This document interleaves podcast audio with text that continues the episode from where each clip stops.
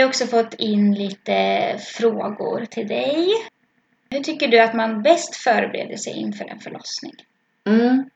Det är en väldigt bra fråga och en väldigt viktig fråga. Och, och, jag skulle liksom våga, för då behöver vi ju gå in i kvinnans, den födandes kropp. Liksom. För att många gånger, det är en sak att titta utifrån som barnmorska och läsa av det ena. Det är en sak att förstå som gravid hela det här landskapet som graviditet och förlossning är. Men när man föder så går man in i den fysiska dimensionen av att föda.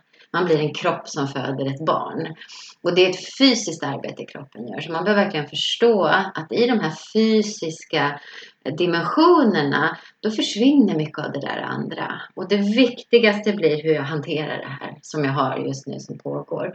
Och det kan vara allt ifrån en mensvärk som man hanterar till en förlossning man hanterar till en joggingtur man hanterar. Men när det fysiska dimensionen av oss tar över så är det hanteringen som blir viktig.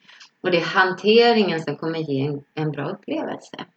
Jag tycker det viktigaste förberedelsen är att förstå födandets rytm. Okej, okay, vad är det kroppen har planerat här? För vi tror gärna att det här med latensfas, öppningsfas och är 4 cm eller 6 cm har betydelse, men det har det inte. Utan det enda som faktiskt har betydelse det är de här verkarna som kroppen jobbar med som är arbetsdelen i verkarbetet. Och den är 60 sekunder specialdesignad så att mamma och bebis ska orka med det. Och då jobbar vi med, okej, okay, hur möter du den här verken när den kommer in i din kropp? Oavsett om du är latensfas eller öppningsfas. För det är den här verken som är det du har framför dig just nu. Så nuet blir viktigt också när man jobbar fysiskt.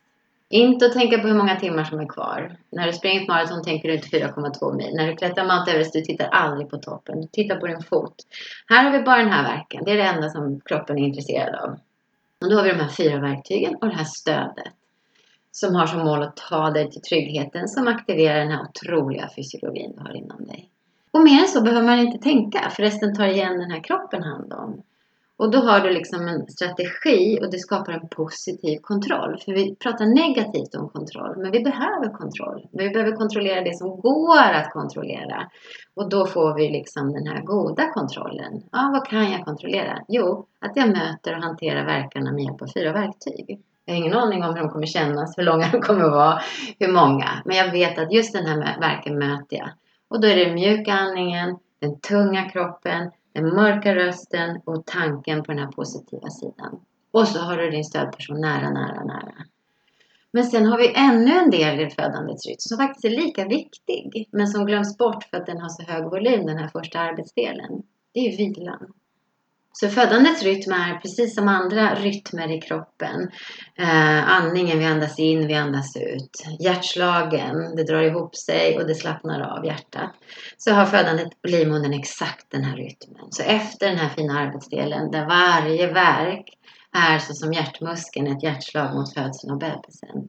Jag tänker på livmodern som födandets hjärta, för det är glatt muskulatur. Och när man förstår att det är det den gör, den ger liv till, till barnet så blir det ett positivt sätt. Men efter hjärtslagets kontraktion så kommer den här avslappningen och den är jätteviktig. Då har vi den här sucken. Så efter varje verk så tar man det här djupa sköna andetaget och bara suckar ut all spänning man eventuellt har byggt upp och släpper verken och börjar vila. Och då är man bara i vilan igen. Tänker inte när nästa verk kommer. Oavsett om det är en minut emellan som det är i slutet av förlossningen eller 15 minuter som det kan vara i tidigt förlossningsarbete. Det är bara vila. Och man bara mumsar i den här vilan. Och man bara njuter. Och man äter, man sover, man pussar sin partner eller är nära sin stödperson och vilar. Och sen rullar nästa arbetsdelen av verkarbetet in. Igen de här fyra verktygen för att leda kroppen mot trygghet, stöd, kärlek, närhet och sucken för att komma till vilan. Och det här gör man hemma. Om man ska åka till en förlossningsavdelning gör man det i hissen, i korridoren. Är man, föder man hemma så fortsätter man ju bara tills sina barnmorskor har kommit eh, dit. Då. Det är fördelen att man inte behöver förflytta sig. Så jag skulle säga att förstå födandets rytm och förstå att hanteringen är det som är nyckeln och stödet. De två faktorerna är det viktigaste för en födande. Lämna det medicinska åt experterna, fokusera på det som är ert jobb. Hur kan man tänka som eh, en stödperson mm. eller en partner mm. i förberedelse? det är också det här att tänka just, vi brukar använda den här metaforen att om man tänker just på de här vågorna där man sjunker ner i verkarna, man är liksom surfar eller dyker eller vilken metafor vi använder så blir ju liksom det eh, havet. Och då är det ju den födande som jobbar fysiskt med, med att vara i den här båten, att åka med i födande. Och då kan man tänka på sig själv som stödperson som liksom om det blir storm, om det blir becksvartnat, innan vi hade GPSer, vad var det som visade vägen? Ja, men det var den här blinkande fyren där som liksom bara visade riktningen och visade vägen. Och i vårt fall så är fyren väldigt nära den födande. Den står inte där borta utan den står precis bredvid. Så i den här fysiska närheten blir kontakt, att aldrig släppa den fysiska närheten. Men också förstå att fyrens uppgift är ju att visa vägen. Och fyren håller inte på att variera sig. Den håller inte på blink eller blink, blink, blink, blink. den blinkar i samma vita, tråkiga, repetitiva men trygga blink. Och det räcker ju inte att blinka tio minuter där i stormen och sen hitta båtarna resten av natten. Utan man måste blinka i varje verk. Så, så den, den som är med, den fortsätter att påminna genom varje verk. Den fortsätter att hålla genom varje verk. Hålla sig nära. Fysisk närhet skapar trygghet använda den här lugna beröringen för att aktivera oxytocinkranen och öppna upp det. Påminna den födande om att hålla andningen mjuk och göra ljudlös. Påminna den födande och uppmuntra henne att våga vara tung i kroppen. Hjälpa henne att låta mörkt genom att låta mörkt själv. Och säga det som får henne att hitta den där positiva tanken. Och vi använder mycket bara säga ja. För i det här råa så brukar det vara nej eller ja som gäller. Och då bara säga ja tillsammans. Alla känslor får komma och gå. Och sen bara vara där. Aldrig lämna henne. Tidigt i vår profylaxkurs nu så har vi det här, man gör ett avtal. Två roller. Okay. Mitt jobb som, som stödperson är att ta dig till trygghet no matter what. Du får gråta, du får vara arg på mig, du får göra vad du vill. Men jag lovar dig att jag kommer ta dig till trygghet och göra allt jag kan. Och den födande får titta på sin stödperson och säga okej, okay, du får det. Du, du har min tillåtelse. Och det som förvånade mig när vi började göra det, det är hur mycket kvinnorna gråter. Jag tänkte säga det, jag ryser redan nu. ja, alltså jag blev så här förvånad. Det är ofta så. De bara grät och grät för det är en sån djup längtan. Där kvinnan känner att någon säger Jag har dig. Jag har din rygg och jag kommer aldrig lämna dig. Och den, den partnern får den här tryggheten i att våga göra det. För vi som jobbar med födande, som då, vi vet ju hur tufft det kan vara att våga göra det med någon som är arg, med någon som är ledsen. Men när man verkligen har fattat att det är kärlek, det är respekt. Jag lovar det. Det brukar jag säga, men under de här timmarna då kan ni lämna allt annat ni jobbar med i relationen. Mm. liksom, för det är mer komplicerat, det vet vi alla. Mm. Nu har du ett jobb. No matter what. Ibland får du säga med kärlek och så märkte du, funkade det. Ibland får du vara tydlighet och styrka och märker du, funkade Nej, det funkade inte. Då går du tillbaka till kärlek. Mm. Eller ja, nu behövde hon kraft. Titta på mig! Jag har dig. Jag lämnar dig aldrig. Eller du är fantastisk. Jag älskar dig. Det här går jättebra. Du är inte ensam. Många födande behöver höra det. Du är inte ensam. Jag är här. Eh, så det gör vi ganska tidigt i kursen och som jag säger, det är väldigt känslomässigt. Mm. Så så tänka, ditt viktigaste jobb är no matter what, ta den födande till trygghet så att hennes kropp kan få tillgång till sin förmåga och bli den största källan till trygghet på det sättet. Jag tänker också ge partnern en trygghet i att okej, okay, men jag har någonting att mm. göra under förlossningen. Det här är min jag roll. har en roll och en mm. uppgift. Mm. Inte bara stå bredvid och känna sig maktlös. Nej, och de som är mm. omföderskor på våra kurser, där gråter ju partnern också. Ja. För, för hen känner ju igen det. Uh, och blir liksom jätteberörd och känner igen allt som vi undervisar och fattar. De säger alltid efter oss, mm. eller mitt i. Vi var bara på den här röda sidan. Mm. Alltså stresssidan. På vår linje så är det liksom en röd och en grön sida. Uh, vi var bara där och jag hade ingen aning om vad jag skulle göra. Mm. Och, och, och hen blir ju lika stressad ofta då. Liksom. Så det är ju det som blir läkning i relationen också. Att få andra förlossningen. Apropå din tidigare fråga, vad kan man göra med de som redan är traumatiserade? Jo, genom att ge dem rätt förutsättningar för eventuell andra förlossning så läks även den första. Mm. Det blir extra viktigt med de som har en sekundär förlossningsrädsla. En annan fråga är också, mm. eh, vad behöver de födande veta innan de ska föda om de har valt sjukhus som mm. födsplats? Mm. Och med tanke på att nästan alla föder på sjukhus i mm. Sverige så blir det en komplex fråga för att jag tycker den frågan blir mer intressant om det finns val. Mm. Det är svårt att ge information när det inte finns val. Mm. Vad är det vi informerar om? Det blir ganska tungt för en födande. För att om man har då, okej här har vi en akutsjukhus, här har vi en barnmorskeledd enhet, här har vi en mindre enhet, här har vi hemförlossningar. Och alla är stöttade som vårdform. Då blir det mycket lättare att ge information. För då har vi faktiskt information som är konstruktiv. Ja. Idag känner jag så här, ja visst jag skulle kunna ge en massa information. Men vad skapar det för en födande? Idag i Sverige? Det skapar faktiskt ingenting. Så jag tycker den frågan är komplex och väldigt eh, problematisk. Mm. För att ge den informationen, vi vet att det finns fördelar och nackdelar. Vi vet att akutsjukhusen, ju mer centraliserad vården blir, ju mer interventioner är det. Det vet vi redan, det behöver vi inte ens låtsas som vi inte vet. Men okej, ska vi informera kvinnor om det? Vad lämnar vi dem då? Med, med okej, jag får betala själv min hemförlossning. Så att jag känner inte att det känns liksom moraliskt att göra det Nej. idag. För att vi har den vård vi har. Mm. Eh, visst, några kvinnor, men jag upplever de som föder hemma och betalar sin egen hem, de är redan så drivna att de har redan tagit reda på det här. Eh, de har själva tagit ansvar. De är själva drivna av den informationen och de tar själva ansvar för den informationen. Och det är precis så det ska vara. Men att informera en kvinna som inte har den drivet, det kommer skapa ångest och nocebo för henne och inte bättre förutsättningar att få en fysiologisk förlossning under de förutsättningar vi har idag. Så först måste vi som är liksom vården då, för jag kallar mig ändå vi, för jag jobbar ju också inom vården, skapa vårdval för de födande. Sen kan vi informera så att de kan välja. Mm. Men idag finns det inget val. Så det hjälper inte tycker jag. Nej. Jag jobbar för att liksom eh, säga till kvinnor att självklart läs på. Det tycker jag är ett bra sätt. Men min upplevelse är att det är så få idag som pallar att ta det ansvaret utan vårdval och stöd av vården. Vården ska ju stötta kvinnorna och det gör den inte idag i val. Så vad är det vi ger dem då? Ja, ångest. Mm. och det tycker inte jag känns som en bra känsla att erbjuda kvinnor. För min upplevelse är att de som är där, de gör det ändå. Mm. Så det är kanske ett komplicerat svar, men det är också från att vara en del i vårdapparaturen. Norge, där har de ju vårdval. Där har de liksom de stora avdelningarna. De har barnmorskeledda enheter. De har 3000 kvinnor som föder hemma varje år. Vi har 100. Mm. De har färre invånare, de har bättre utfall än vad vi har. På Mm. alla parametrar har Norge bättre utfall. Så där kan man informera. Det här är, si, på, nack- det här är fördelar och nackdelar. Här är fördelar och nackdelar. Här är fördelar och nackdelar. Vad- Vilket val vill du göra? Mm. Mm, det har vi ju pratat om och det är superintressant att återkomma till hela tiden och höra fler liksom, Mm. synpunkter, Mm. åsikter och tankar Mm. kring det här. Ja, Mm. Varför tycker du att det ser ut så att det, som det gör här i Sverige? För att vi inte har en evidensbaserad sjukvård. Så enkelt. Och varför har vi inte det? Ja. Svara mig Susanna! ja, I wish I could answer you.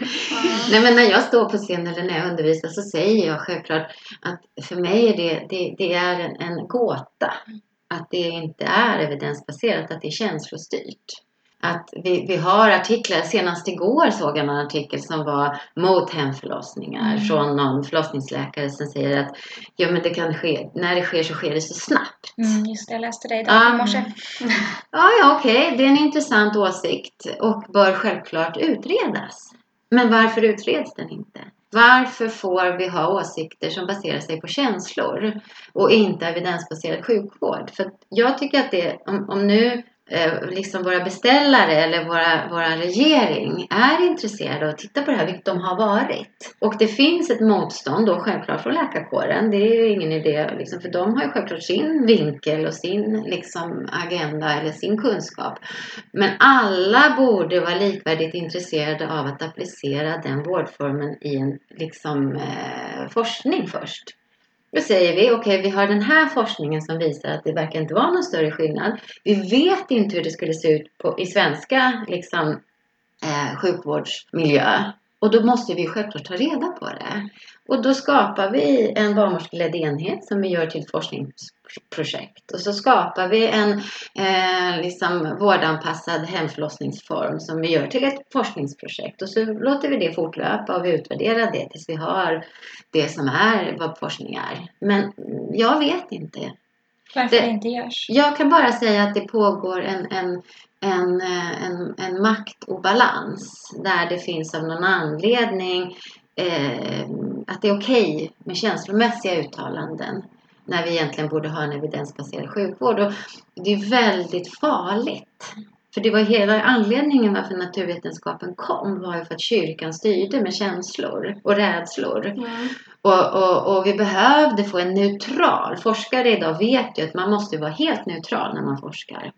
För ibland har man ju en, en tes och tesen motbevisar sig. Och den tesen skulle kunna vara för oss till exempel att vi tror att alla skulle kunna må bra och sen visar forskningen att det inte gör det. Men det måste få vara forskningen som visar det, som kommer ifrån en neutral frågeställning. Och där är vi inte idag. Och det finns inte ens mod att göra forskning. Och vilket skrämmer mig, för tänk bara på vattenfödsloforskningen. Mm. 1986 förbjöds den utan någon evidens. Sedan dess har det alltså varit förbjudet. Fast Socialstyrelsen tog bort sina rekommendationer så har ingen vågat börja använda vattenfödslar på, på sjukhusen. Tills den här modiga kvinnan tar tag i det och börjar forska. Så som det skulle såklart gjorts 1986 när frågeställningen kom till. Och då hade vi haft 10 års, eller 20 års forskning nu kring det här. Eh, men nu gjordes det och självklart visar det det som egentligen all annan forskning globalt visar att det är bra. Alltså det finns ingenting negativt vad vi än så länge kan se inte ens i fas 2. Bra, då kan vi utbilda barnmorskor i vattenfödslar och vi kan komma tillbaka till det. Det är hur det ska gå till. Ja, vad, oj vad lång tid det har tagit. Ja. Mm. ja. Så det, det, det är därför jag tror att det har skett en, en känslorädslostyrd eh, liksom diskussion. Istället för att säga, men vi vet inte. Vi vet inte.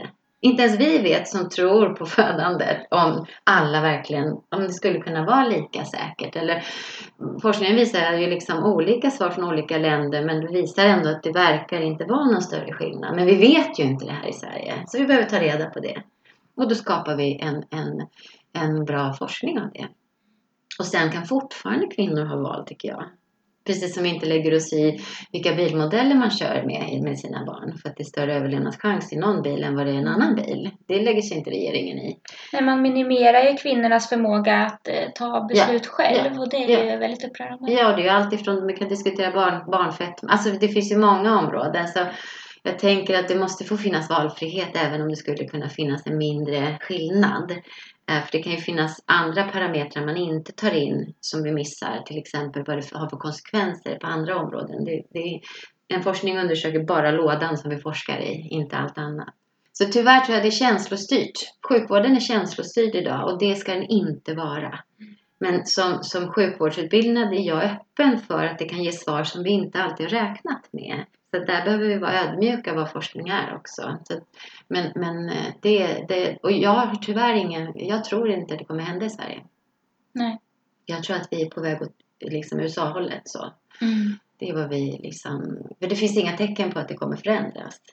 Och det spelar ingen roll hur mycket kvinnorna vrålar, det spelar ingen roll hur många uppror, det är ingen som lyssnar. Nej. Så ja, Det ja. är flera som har sagt det. ja. Mm.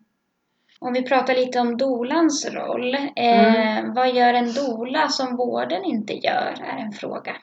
Ja, alltså det som också där igen, tillbaka till forskning, om man tittar på den här eh, evidensen kring kontinuerligt stöd som är någonting apropå Trygg förlossningsboken, apropå utbildningar, apropå en del av barnmorskekårens eh, som vill verkligen få till det här. Vi har ju de här jättefina projekten nu med, med det här att ha en barnmorska genom Mm. hela sin graviditet och förlossning. Din barnmorska. Ja, din barnmorska, precis. Men det man missar är ju att när man läser evidensen så är det ju väldigt tydligt att den här forskargruppen har lyft fram en faktor som är väldigt viktig för effekten. Och det är ju att stödpersonen inte ska tillhöra sjukhuset. Och den pratar man gärna väldigt inte om, att den är viktig, viktig. Men den har visat sig i den här neutrala utvärderingen som de här har gjort som är en väldigt bra forskargrupp är en väldigt viktig parameter för att få full effekt av kontinuerligt stöd. Så jag tror att dolan kommer ju in som en katalysator. Liksom. Vi neutraliserar hela rummet. Både hos en födande partner men även liksom, om man tänker på, på oxytocin och placeboeffekten så skapar ju vi det i helheten. För att man får inte glömma att de som jobbar inom vården, så som jag själv har gjort också, man har liksom ett tryck på sig bakifrån. Där man har massa ansvar, massa PM, massa saker som ska göras på rätt sätt. Och det skapar en viss stress. Och eh, kan skapa kanske ett överagerande. Medan när man då har det här stödet på rummet som även ger stöd att våga stå lite längre stadigt. Så tror jag att det är den effekten som skapas även hos barnmorska, läkare och undersköterska. Att det blir lugn hos dem också. Att det finns en, en trygghet. Och sen är det det här som jag sa att barnmorskan har två ben. Det är det medicinska och det är det känslomässiga i min åsikt vad barnmorskekonsten är. Men när det medicinska få gånger då inträffar, då är det där hon går. Även om hon självklart kan till en viss del hålla kvinnan känslomässigt trygg så behöver hon splitta sin uppmärksamhet där. Det behöver aldrig dolan göra. Utan dolan fyller i direkt det eh, utrymmet och så att det blir helt. Och barnmorskan kan göra sin liksom viktiga del som är det medicinska, att kunna läsa av och kunna alla de här grejerna och kan liksom verkligen kommunicera med kvinnan, ha full kontakt med kvinnan men känna att även det känslomässiga är fullgott hos partner också. Vi får inte glömma partner i det här. Så där fyller dolan, tycker jag, en enormt viktig funktion. Eh, och som jag säger, det är det, vi, vi är beskyddare av, av upplevelsen. Så ibland sitter man ju tyst bara och ser att det här funkar hur bra som helst. Man bara servar med vatten och mat. Ibland är man jättenärvarande i varje verk. Ibland som en hemförlossning jag var med, då satt jag i trappan. Eh, för att hon ville slappna av och inte behöva tänka på om de andra småbarnen vaknade. Och då blev det trygghetsförlängningen. Liksom, och hon och partnern hade det jättebra där inne på toan och födde. Och jag satt där i trappen liksom, och bara lyssnade. Och då, vi behövs. Det, det är liksom, ibland pratas det i barnmorskevärlden om att, ja, men att vi tar över. Ja, vi tar ju såklart över en del av trygghetsrollen eftersom de inte får vara på rummen på det sätt som de behöver vara. Men dolan skulle ha behövts ändå. Mm. Det är bara att vi alla blir ett team istället. Så nu fyller vi självklart i ett tomrum som fattas för att de inte kan vara där. Men det är inte så att det hade varit, nu har vi bara 100 procent och nu tar vi bort 40 och då fyllde vi i 60. Utan det är liksom flera, all, varje person bär på 100 procent och sen är det bara viktigt att kvinnan har det. Mm. Och vi har ju fördel också som doula att lära känna de födande innan. Ja, Det är en väldigt liksom, ja, fördel när man kommer in i födanderummet. Barnmorskorna måste ju så direkt bilda Ja. sig en uppfattning. Och, och i det här som sagt att de kan ha två, tre stycken som de måste liksom hålla samtidigt. Så att det är självklart det personliga, det individuella men också att kunna ha det. Så när Mm. samarbetet mellan doula och barnmorskor är som bäst, då funkar det ju som bäst på Mm. förlossningsgolvet också. mm, Och vi, jag tycker oftast det är ett jättefint samarbete. Mm. Det är nästan alltid som man känner sig jättevälkommen och nära och liksom bra. Såklart att det finns en frustration i kåren nu som läcker lite över på oss. För vi är ju inte skyldiga på något mm. sätt. Nej, men det läcker Nej. över lite. Nej, utan vi skulle ju vara där oavsett om de också var på rummet. Mm. Och de skulle självklart bli en viktig del i stödet där vi alla har samma mål. En trygg kvinna. Mm.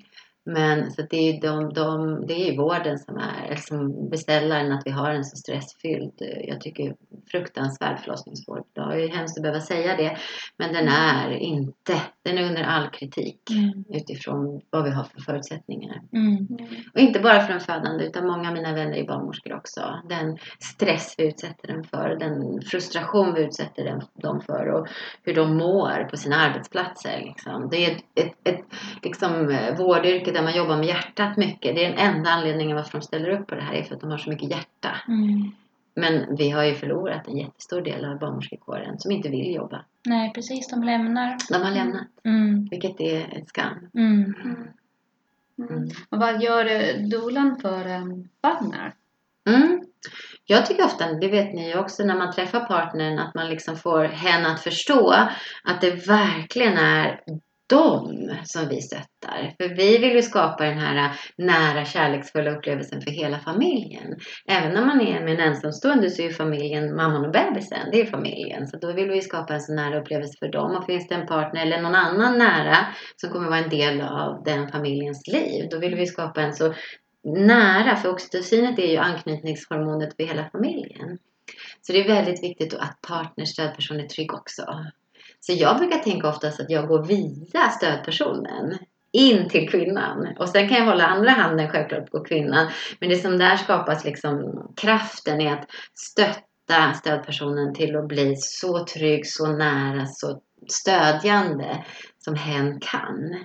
Och sen fyller man i såklart om det är lite tricks och fix och tekniker eller spinning babies eller annat som vi kan hålla på med som i våra verktygslådor. Men det, det ser vi ju sen med, med Phyllis och Marshall Klaus forskning att dolans närvaro stärker ju relationen.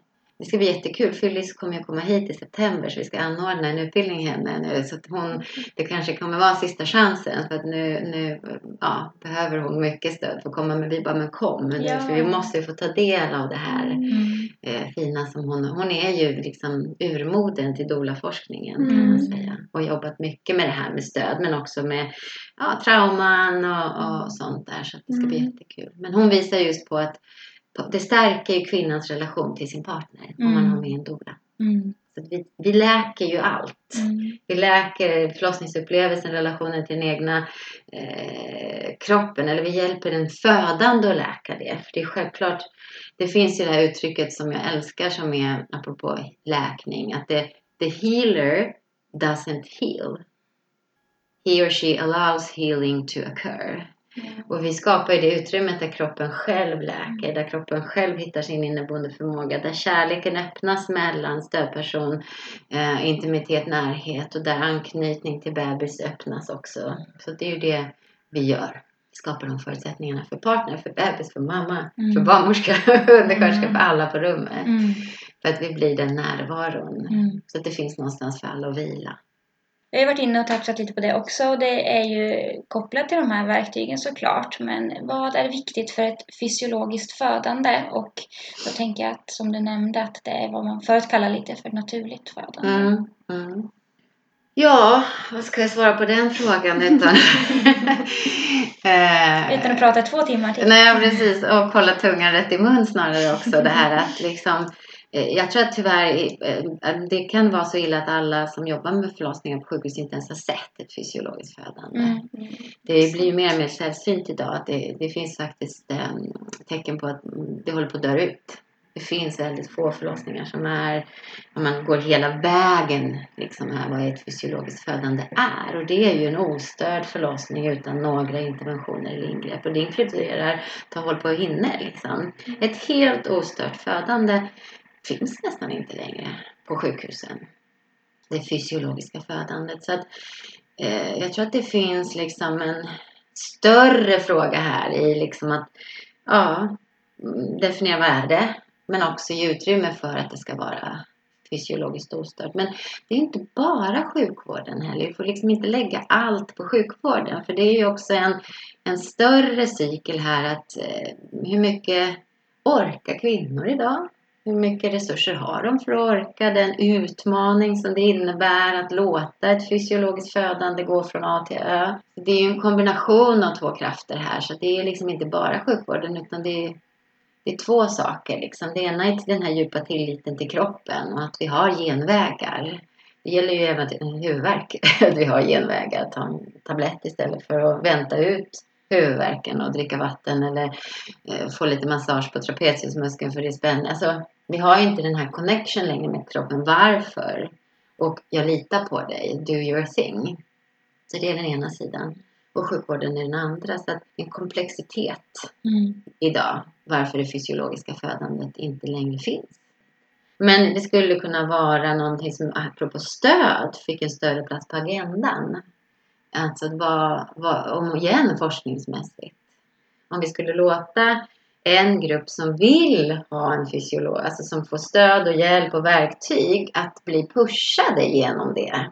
För det handlar ju också om som stödperson att våga pusha någon. För det är ju först efter vi förstår varför det är värt att föda, inte medan vi föder. Så för att se hur påverkar det upplevelsen om man vågar. och så- Nu vet jag inte om etiska kommissionen skulle godkänna det, men de skulle självklart kunna säga nej när de vill. Men att man pushar, hjälper, bär och verkligen jobbar med inga interventioner, inga ingrepp, ingenting. Eh, och så utvärderar man upplevelsen, utfallet, allting. Och sen tar man den andra sidan som skulle vara då det här med ja, att man liksom behandlar rädsla som vi gör idag med en epidural. Att man liksom eh, har mycket det här att det ska gärna vara en centimeter i timmen. Liksom det här då att det ska röra sig framåt med, med att ta håll på hinnor och allt vad man gör. Och så jämföra. Då, då skulle vi få lite mer liksom, motivering tror jag, även hos kvinnorna. Varför ska man stå ut så att Mm. säga med en längre progress. Vilket det oftast tar. Men det är inte negativt för kroppen. För att få en fysiologiska födandet. Och hur kan vi skapa bättre förutsättningar genom vårdval? För det vet vi, en barnmorskeledd enhet kommer ha större förutsättningar för det fysiologiska födandet. Så kan det finnas en motivering att skapa bättre förutsättningar för det. Vi- Vilket vi inte har idag. Så vi är tillbaka där vi började med vårdvalet. Vi måste ha Mm. fler vårdformer. Annars kommer det dö ut. Ja, men jag tänker lite om man eh, om, om, som kvinna vill man eh, förbereda sig för en fysiologisk förlossning. Mm. Hur ska man tänka då? Lite på spåret, du, du sa lite utan val.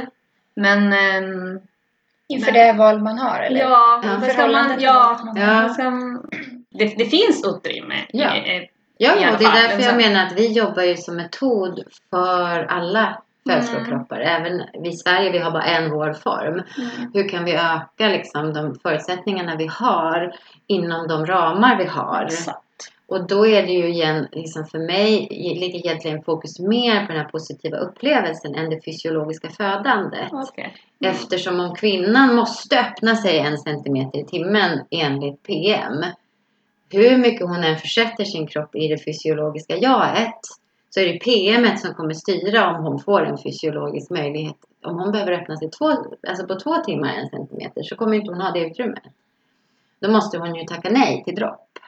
Eller hur? Mm. Och då måste hon ju ha massa information om det. Eh, och det kan hon ju göra. Men jag, min upplevelse är att hur många orkar det i Mm. slutändan? Så att det är liksom eh, en, en balans. Och sen är det ju en balansgång att det behövs ibland. Det är ju så också. Så att det är ju liksom, vi vet inte riktigt vart vi befinner oss i den här balansgången. Så jag har nog liksom valt som strategi att fokusera på det jag kan påverka. Vilket är upplevelseperspektivet. Som jag tänker indirekt bidrar också till mer fysiologiska förutsättningar inom de begränsningar som finns. Men begränsningarna finns och de eh, kan man självklart skriva en lista och skriva på papper att man inte vill ha. Det är ett alternativ men eh, de få som jag upplever klarar det, det är de som föder hemma ändå. De utsätter sig inte för det, liksom, utan de föder hemma och åker in om det behövs. Så istället hjälpa kvinnorna att okej, och att förändra, jag brukar ju alltid säga det på våra doula-utbildningar, att, att förändra sjukvården gör man inte inne på förlossningsrummet. Det gör man genom ett arbete med sjukvården. Ehm, så det, det är ju en, en balansgång. Sen kan man ju säga, så som jag säger på, på våra kurser nu, vi vet att oxytocindroppet är överanvänt. Det, det säger jag. Vi vet att vi har använder för mycket verkstimulerande dropp. Det sa de alla föreläsarna på Island från alla länder. Sa att vi har nått vägens ände. Vi, har, vi kan inte gå längre.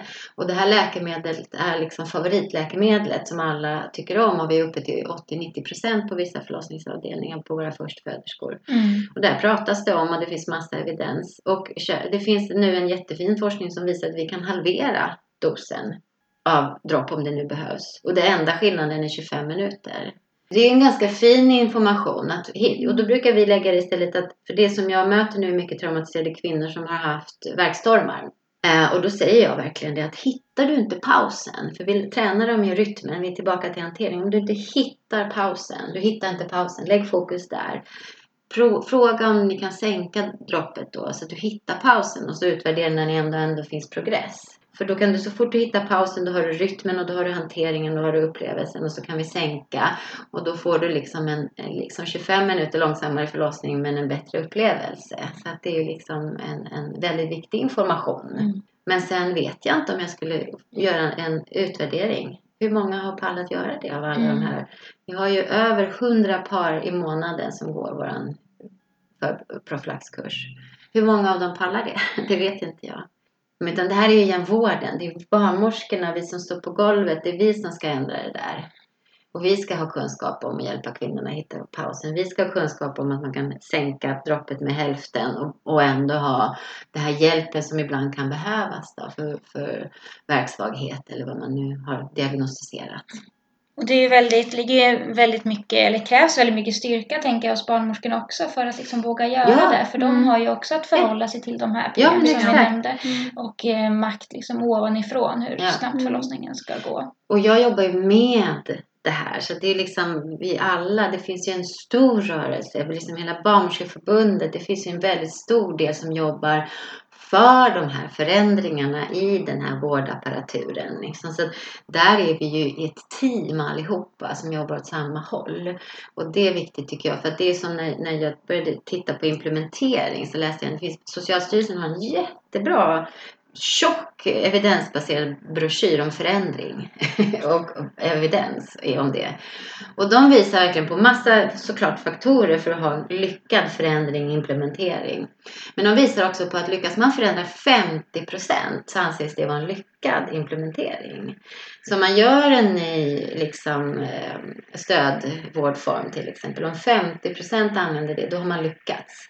För därifrån sen blir det nämligen en positiv spiral som under några år, eh, men är det 40 då blir det det här att vi tappar det. Mm. Så att, eh, och det gäller alla de här att börja då liksom, till exempel BB Stockholm vet jag har jobbat många år nu med att sänka användningen av droppet. Där finns det liksom, där börjar någon med det. Sen tar man det till nästa.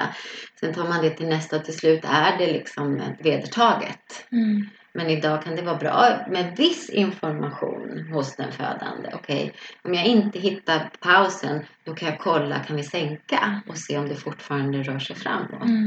Och då får hon en bättre upplevelse. Det är ganska konkret, enkel information så, kopplat till något konkret. Så att, ja, fysiologiskt födande, men inom de begränsningar och ramar som existerar. Det är liksom vad, vad de flesta kan göra. Och då är det ändå viktigt att även där beskydda upplevelsen. Eftersom upplevelsen har de här fördelarna av att öppna upp fysiologin, skapa upplevelser, bättre andning, bättre anknytning, mindre eh, sekundär förlossningsrädsla och posttraumatisk stress. Så vi vinner jättemycket på att göra det inom de här ramarna. Mm. Så ramarna tror jag bryts upp genom att man börjar påverka det som går att påverka. Och då kommer det, jag, jag tror ju på livet, jag tror ju på det här. Och man måste liksom jobba inom det som man har. Men så liksom gungar det lite så här och så gungar det och så blir det lite bredare. Och så kommer nästa fas. Men ja, det är Mm. ju frustrerande också ibland. Är det något annat sådär Susanna som du tycker att vi inte har pratat om eller något som du skulle vilja säga eller dela? Jag tycker nog att liksom, jag tänkte på det, sista kursen jag hade så var det med en kvinna som var väldigt förlossningsrädd och grät direkt när jag typ kom in genom dörren. Liksom. Men Sekundär. Nej, primär faktiskt. Ja. Eh, men då tänkte jag verkligen på, ibland så får jag höra när jag undervisar så här, men hur ska vi våga berätta om allt det fantastiska? Och så kände jag verkligen hur jag var satt där och så bara började jag med det här liksom att vi måste tillbaka till det här kroppen verkligen kan. Någonting som jag ser har en sån enormt djup effekt på, om vi pratar om de födande igen, tillbaka till dem apropå hur boken kom och hur den har vuxit, det är ju genom de som föder. Så känns det som att liksom det här med att verkligen våga prata igen om hur fantastisk kroppen är och hur otroligt väl det här fungerar och hur kroppen kan föda. Och hur liksom, precis, jag brukar säga det, hur, hur, precis som du bygger bebisen, celldelning för celldelning, precis på samma sätt kommer att föda det här barnet. Du behöver egentligen inte förstå någonting annat än att kroppen kan. Och ju mer man går in i den känslan och vågar det även med någon som har bestämt sig för ett humanitärt kejsarsnitt så tycker jag att det öppnar upp en tillit. Det är så här, men okej, möjligheten kanske finns kvar att inte välja. Men att våga, alltså det låter nästan så kyrkligt, men att mässa om det. Att verkligen våga prata om det, att verkligen Mm. lyfta fram det. Och alla de här detaljerna som sprinklar iväg och var vi befinner, befinner oss i min era. När jag har dött kommer den här kroppen fortfarande finnas med sin förmåga. Och våga prata med våra döttrar, med de som ska föda, med alla om hur fantastisk kroppen är och hur mycket kraft som finns i oss och att det är värt att föda. Det är som att nästa bok jag ska skriva är varför ska vi föda överhuvudtaget? Alltså, vad är det den här djupa existentiella känslomässiga expansionen som vi får även om vi föder med komplikationer men får stöd, kärlek och, och kraft eller hemma. Den tycker jag vi behöver lyfta upp mer. Att verkligen tro på att det finns en mening, en anledning varför vi ska föda. Du förstår den inte alltid när du föder, men när du har fött så får du en levd erfarenhet. Mm. Så se till att ha människor som håller dig genom det här, bär dig genom det så att du kan få tillgång till det här. För det är verkligen värt att föda barn. Det är Mm. verkligen det. Och vi måste vara fler som säger det. Men med kejsarsnitt går det också bra att få den här upplevelsen. Med komplikationer går det också bra att få den här. Med bedövning, absolut. Så länge man inte tar bedövning för rädsla. Utan som ett hjälpmedel för att klara av att hantera födande. Så kroppen kan. Och den är helt fantastisk. Jag tycker det behöver vi säga mer och oftare. Amen. Amen. Amen. Tack Susanna. Tack stort tack. själva. Tack kom. Jätte- Jättekul att vara här.